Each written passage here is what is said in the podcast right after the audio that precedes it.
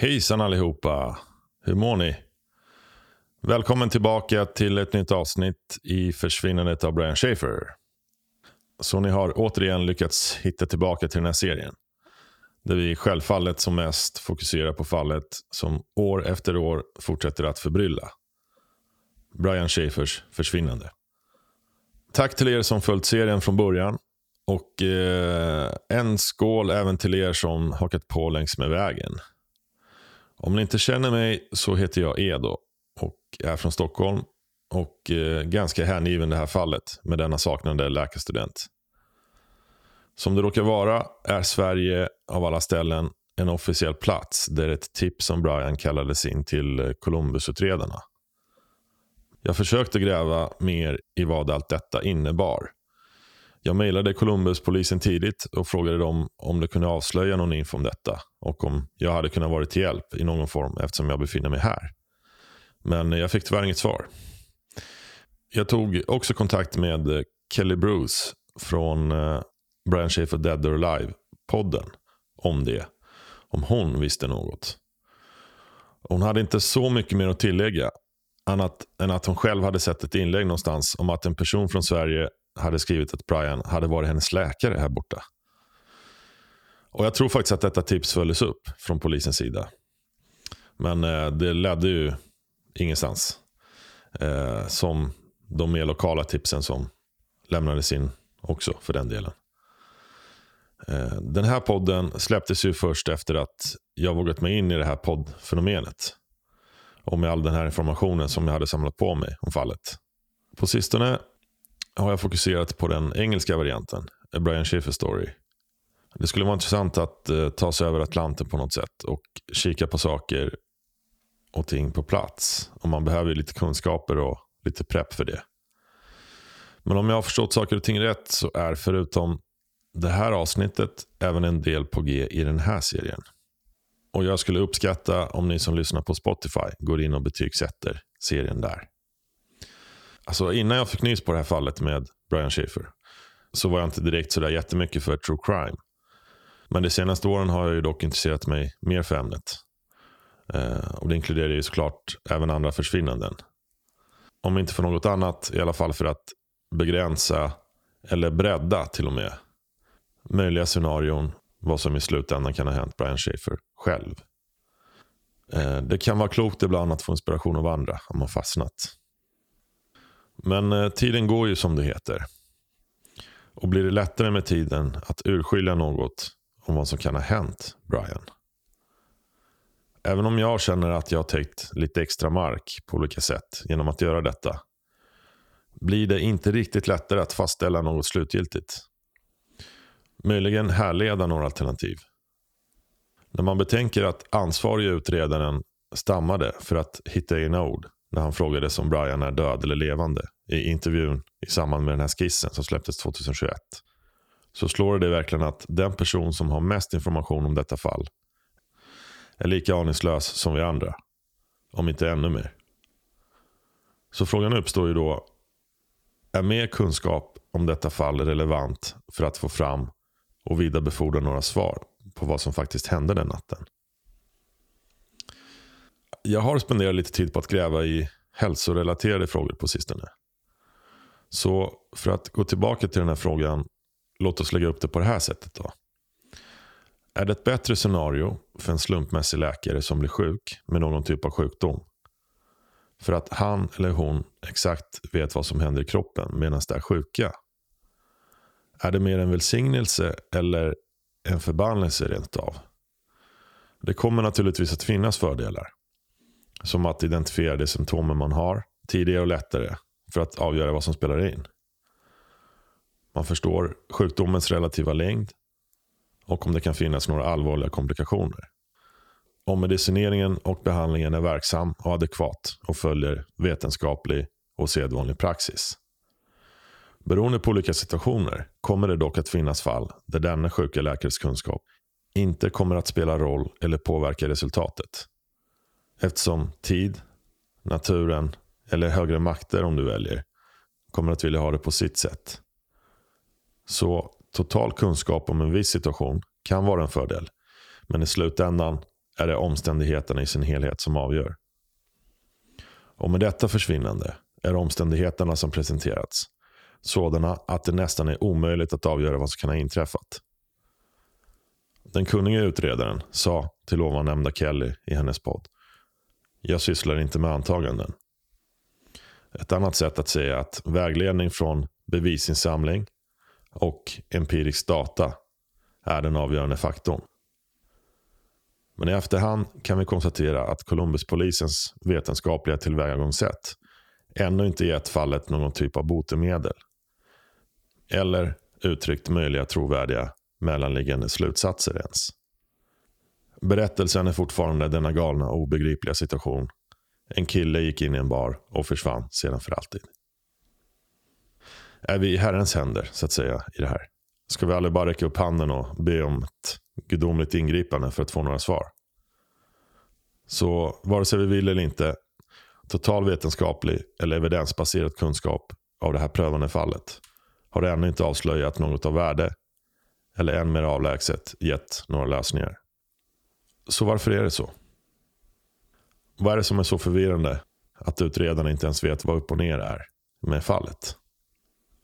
Naturligtvis kan man hävda att den vetenskapliga vägen som valdes, att skärma av Gateway-byggnaden från utredningen efter två dagars sökande, Brians sista plats än idag, och att spendera nästan ett decennium på att leta efter Brian utanför byggnaden förvirrade bara situationen mer för de inblandade utredarna. Både på en professionell men också på ett personligt plan för den. Det verkar som att det enda konkreta som har dykt upp är att det bara lyckats öka klyftan mellan fiktion och verklighet ännu mer. Och kan den här bristen på insamlade bevis innebära att man tittat åt fel håll? Så att även om man har satsat 98% av resurserna på att utreda utsidan är det tämligen värdelöst om något händer på insidan av byggnaden till exempel. Och 98% kunskap om utsidan räcker ju ännu inte långt om du räknar in ett geografiskt obegränsat område där Brian kan vara vad som helst. Låt oss för alla skull gå tillbaka till det grundläggande. Det går inte att leta över hela planeten efter Brian. Ni som är nya får en tydligare bild. Och er som följt mig hela tiden vet att jag i alla fall inte har helt spårat ur under de senaste månaderna. I illustrativt syfte har jag bestämt mig för att kalla det här avsnittet De två rutorna.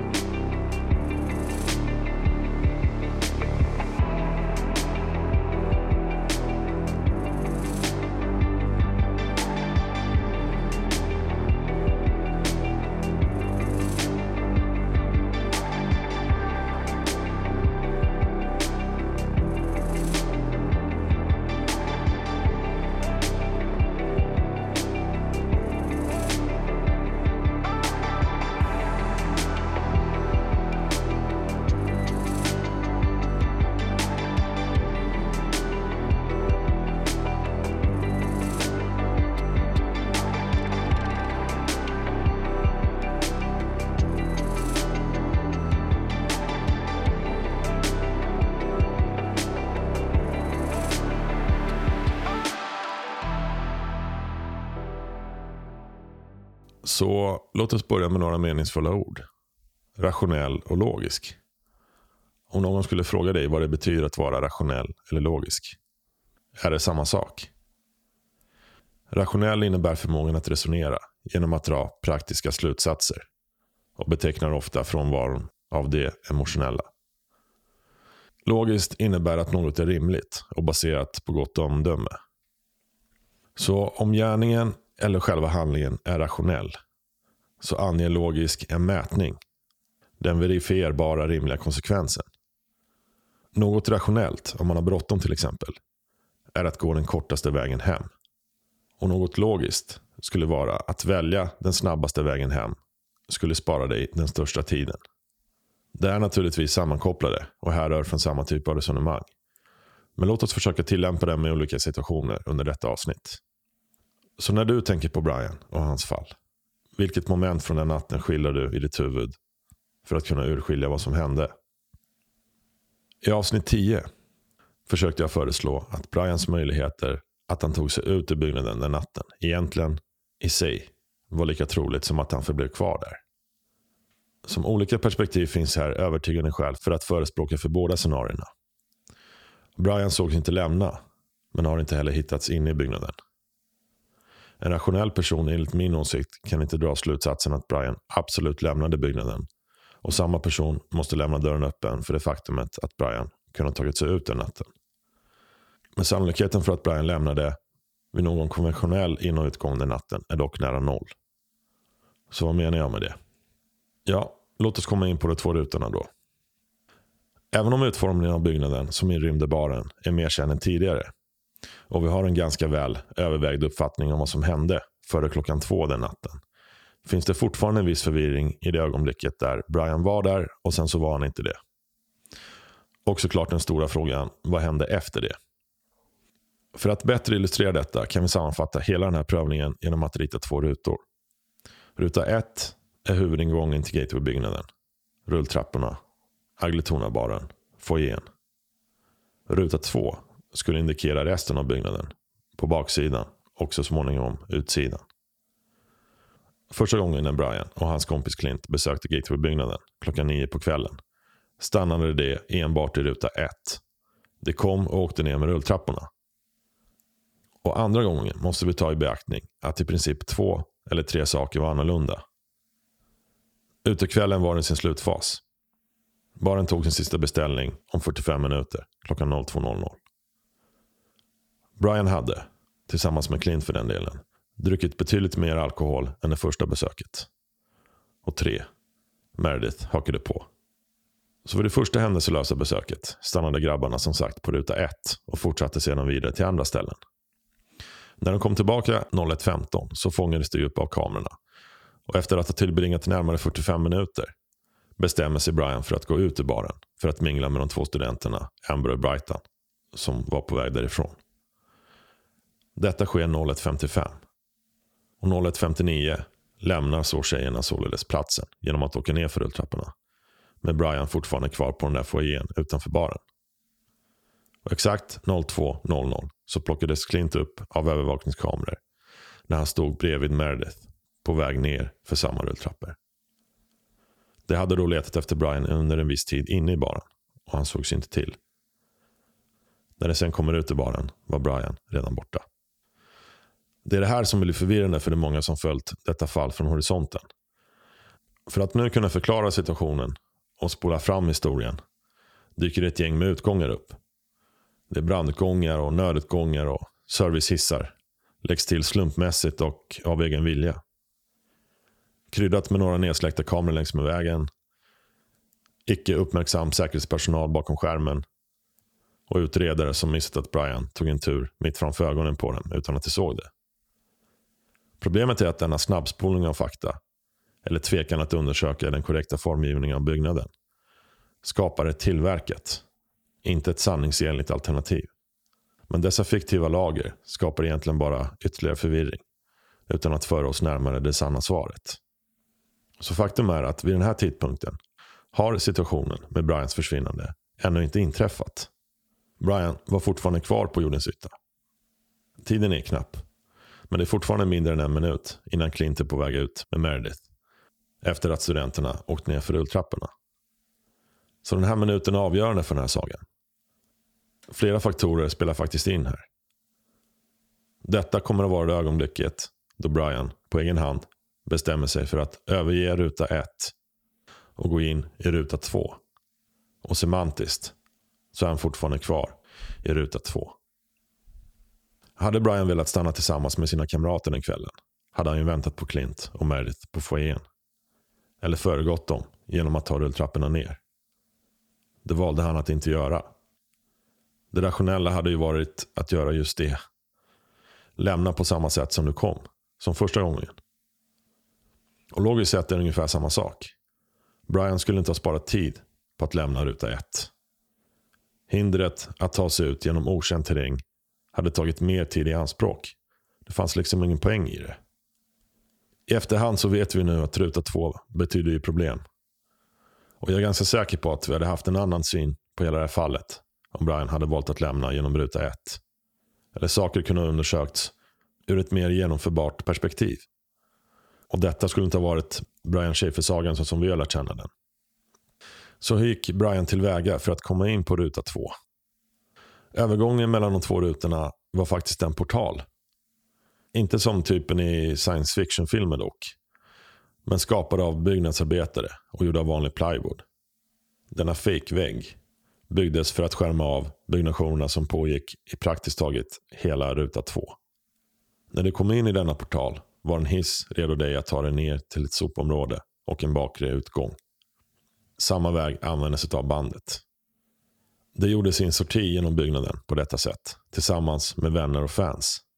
En grupp uppskattad till ungefär 20-30 personer stor.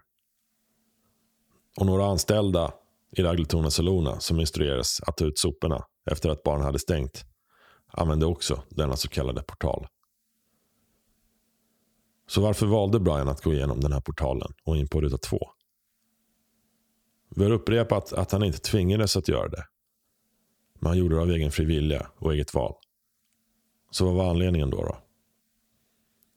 Avlägsna sig från Clint och Meredith. Instinktivt hade det varit vettigare att bara åka ner för rulltrapporna innan du kom ut i baren för att överge dem. Men vi har ytterligare ett faktum. Meredith ringde ju Brian 0201. Brians telefon var redan avstängd då. Och även om en vandring i den delen av byggnaden kunde ha inneburit en förlorad mobilsignal är det kanske också rimligt att anta att Brian stängde av sin telefon i samma instans som han gick in i portalen. Det indirekta syftet med att lämna på detta sätt åtminstone innebar att Brian måste ha räknat med att detta medförde att han lämnade sina kompisar.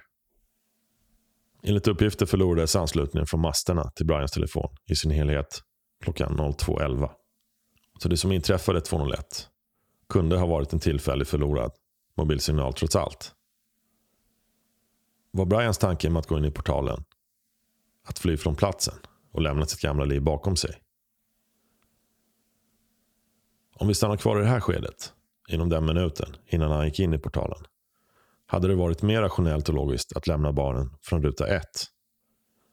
Portalen, även om den presenterades för oss den 1 april 2006, var en tillfällig installation som skärmade av besökare från denna del av byggnaden från både baren och biografen. Det är rimligt att anta att Brian inte hade några förkunskaper bortom detta område före den natten. Således skulle ett utträde från ruta 2 bara ha orsakat en försening av detta uppdrag om man hade velat försvinna för gott. En primär utforskningstur av gateway-byggnaden verkar således ologisk. Betänker man det faktumet att Brian gick in i portalen för att försvinna iväg osedd så verkar det också ologiskt eftersom Brian kunde ha valt att frivilligt ge sig iväg när som helst. Relativt sett minuter, timmar, dagar före klockan två den natten.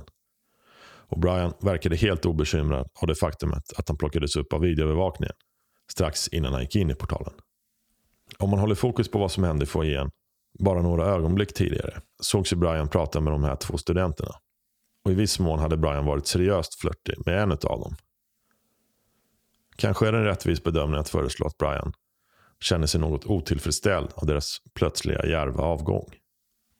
Om det ringer en klocka från del 14, videosekvens där baklet, jag nämner den här damen som går upp för rulltrapporna och går direkt mot denna portal.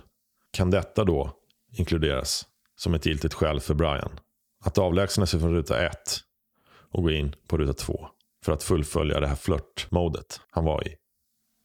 Eftersom det var den 1 april kunde Brian ha velat stunta och busa med sina kompisar på det här sättet. Tog han den här vägen för att försöka kringgå de två studenterna som var på väg till parkeringsgaraget?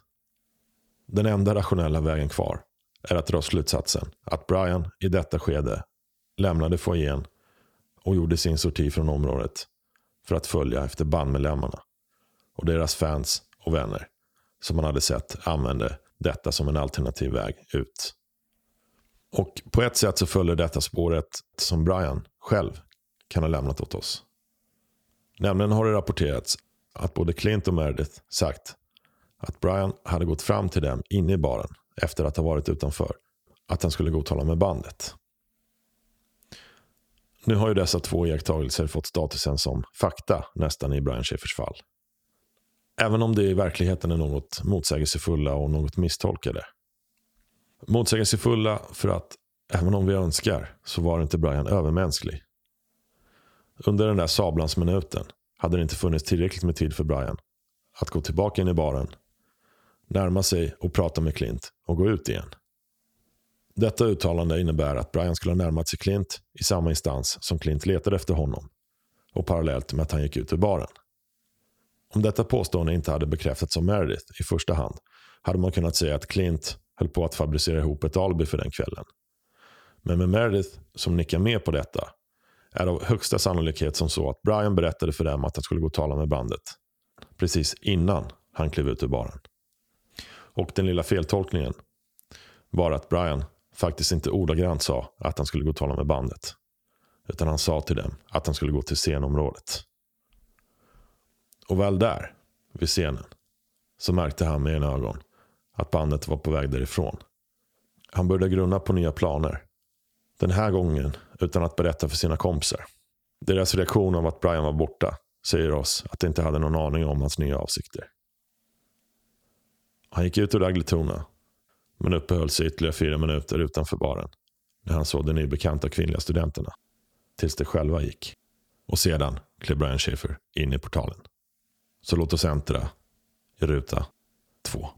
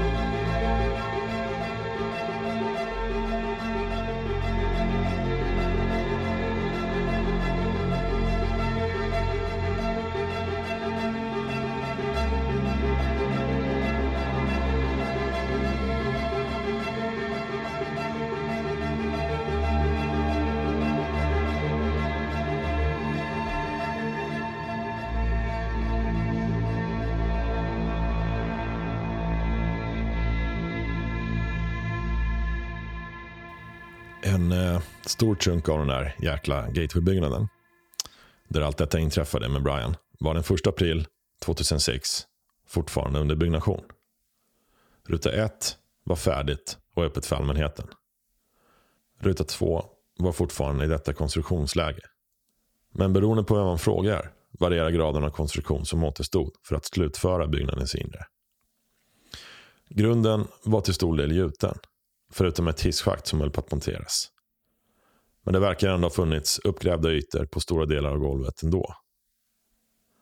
Arbetet med att resa väggar för att separera de olika utrymmena för att hysa butiker med mera var i full sving. rörläggning, elektriska ledningsarbeten och ventilationskanalisering var i olika faser. Interiört måste det ha varit en veritabel röra i, i detta avseende. Och i kombination med verktyg och maskiner, golvbrädor, gipsskivor och annat som låg utspritt. Inte en lämplig plats för att fara runt i och bevandra om man inte var invigd i byggnation med skyddsutrustning. Särskilt inte i avsaknad av belysning. Uppenbarligen hade ju Campus Partners, som ledde byggarbetena vid den tiden, satt upp olika barriärer för att hindra obehöriga från att inkräkta. Men eftersom portalen mellan ruta 1 och 2 var en sådan barriär i sig, innebar att den som hade tagit sig in på ruta 2 riskerade att eventuellt hamna i detta stökiga, potentiellt farliga byggområde. Då det fanns en del färdigställda zoner på denna nedre våning, till exempel sopområdet och den här ordentliga bakre utgången mot baksidan av gatewaybyggnaden, så fanns det en säker väg för att korsa byggområdet och nedervåningen för att ta sig mot den här servicehissen och baren. En korridor. En ATB. Det är rimligt att anta att ingen var i någon dödlig fara genom att bara stanna i den här korridoren för att gå fram och tillbaka. Eftersom bandmedlemmarna och personalen på Ragletorna gjorde det, och otaliga andra för den delen också. Det rationella och logiska under denna konstruktionsprocess skulle ha varit att stanna kvar på den här rutten för att slutföra denna ATB.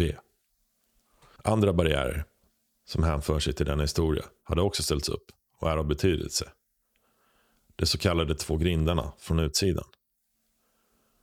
Dessa grindar var egentligen också gjorda av plywood för att begränsa åtkomst från utsidan och för att förhindra att obehöriga gick in den vägen. Som vi har lärt oss under hela den här serien var dessa grindar den enda möjliga vägen ut inifrån byggområdet för att nå utsidan av byggnaden.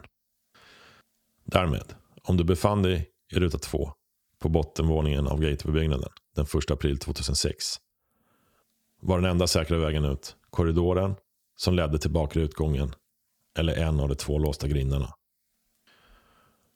Och som vi lärt oss beskrev den ansvariga utredaren i Brian fall 2018 att den här korridoren mot baksidan var övervakad av två kameror. En var uppsatt i den här korridoren och en var uppsatt vid själva bakre utgången. Han avslöjade också att bandet och alla andra människor plockades upp av någon av dessa kameror. Alla så att säga, förutom Brian Schaefer. Han fortsatte med att kommentera att den grundläggande indikationen Columbuspolisen hade alla dessa år senare är att Brian på något sätt äntrade byggnationsområdet och troligen lämnade därifrån. Och indirekt betydelse av detta måste innebära grinden mittemot Wendys restaurang. Som var den enda utgången som ledde till ett helt annat område utanför Gateway-byggnaden och var helt oövervakad av kameror. Så varför hamnade Brian i ruta 2 och i byggområdet i första hand då? Orsakade något i ruta 2 en avvikelse från det rimliga och rationella? Det rationella och logiska skulle ha inneburit en säker och snabb resa genom den här korridoren och ut ur den där bakre utgången. En smärtfri A till B. I en perfekt värld kan vi minimera det faktumet att Brian frivilligt gick in i detta område under full byggnation. Det verkar inte heller som att Brian tvingades in i byggområdet från en annan part. Eftersom utredningen inte har avslöjat potentiella angripare eller ett brottsligt förfarande inuti byggnaden den natten. Den enda stenen kvar att rucka på stavas av misstag. Förvirringen med att vara berusad och utan sällskap gjorde att Brian förmodligen tog sig in och befann sig i detta byggområde av misstag. Bandet och de andra som var anslutna till dem använde denna del av byggnaden som en nödvändig passage för att ta sig ut från lokalerna. Men om tiden som passerade ger någon indikation på vad som hände. Så efter 2.01, när han stängde av sin telefon, eller tillfälligt tappade signalen. Så tio minuter senare förlorade telefonen all kontakt med omvärlden. Potentiellt kan alltså något inne i byggområdet ha orsakat detta. En olycka så svår att den tillintetgjorde både Brian och hans telefon. Efterföljande sökningar inne i byggnaden gav ju inget resultat. Därav slutsatsen. Brian måste tagit sig ut därifrån. Utredningen vandrade utomhus. Krast tillkom en tredje ruta. Michigan, Texas, US Virgin Islands, Puerto Rico och även Sverige. I grund och botten planeten jorden. Så här är vi, alla dessa år senare. Och fortfarande utan en aning om vad som hände. Med utmattade och vacklande detektiver som har misslyckats med att vidarebefordra någon form av svar eller spåret av Brian eller vad som kan ha hänt honom. Det mest rationella och logiska i mina ögon, utan att låtsas att det var det som hände, har varit att något hände, troligen av misstag, medan Brian Schaefer var närvarande i ruta två och försökte ta sig ut. Inställningen när detta inträffade gjorde det orimligt vid den tiden för utredarna att fortsätta driva detta alternativ vidare utan att något upptäcktes från sökningen inuti byggnaden. Och det tröstades delvis av faktumet att om detta scenario hade inträffat så skulle en tredje part ha funnit något eller utlöst en ledtråd till ytan. Men det finns fall där samma uppsättning händelser har utspelat sig och försvunna personer har hittats och lokaliserats där man minst förväntade sig. Till Columbuspolisens försvar ska sägas att de satsade enorma resurser på att försöka lokalisera Brian och de agerade resolut tidigt. Ansvarig utredare håller Brians olösta fall som hans decennium långa karriärs svåraste och mest tänkvärda. I jämförelse handlar det om detektiver och utredare som agerar på ett professionellt sätt och följer en uppsättning beprövade metoder och idéer för att lösa ett problem. När denna konventionella process inte ger några svar finns det inga rationella vägar kvar att fortsätta framåt. Bara mystiska omständigheter utan någon förklaring. Så hur okonventionellt och bisarrt den kan tyckas att Brian Schaefer fortfarande är kvar i den här byggnaden. Ibland att försöka ge sig på saker med rimliga antaganden och initiativ ger kanske inte någon lösning i alla fall. För att människor kan hamna under mycket press. Som en läkarstudent som hade upplevt ett obarmhärtigt tryck av att komma ikapp med studierna efter den senaste tidens funderingar och sorg över förlusten av sin mor. Brian, i jämförelse med någon annan, var ett emotionellt virvar den natten. En hel utekväll blandad med alkohol. Ett bråk med kompisen i baren. Och en kärlekslek med några heta studenter av motsatt kön som sen bara låter det stå där ensam. Kunde något ha tänt till i honom. För om vi backar till den där minuten innan Brian gick igenom den här fejkväggen vi får igen kan det också vara ett tecken på att Brian kände att han hade tappat det. Om ingen rationell förklaring kan ge mening till varför Brian valde att bokstaven kliva åt sidan blev den portalen för honom hans chans att komma bort ifrån allt. Och i detta oberäkneliga tillstånd och med den typen av logik blev byggområdet lika genomtränglig som någon annan väg. Brian kan därför ha tagit sig ur byggnaden den natten. I själva verket förlorar en del av dess relevans. Eftersom ett annat sätt att uttrycka det är att Brian inte såg mer än en svartmålad ruta. Och den rutan kunde också i förlängningen ha sträckt sig bortom Gateway-byggnaden. I detta oberäkneliga tillstånd fortsatte Brian tills han mötte eller gjorde något som stoppade honom tvärt. Hur dessa livsförändrande instinkter inverkar på andra individer är svår att förstå i denna presens och i ett rationellt läge.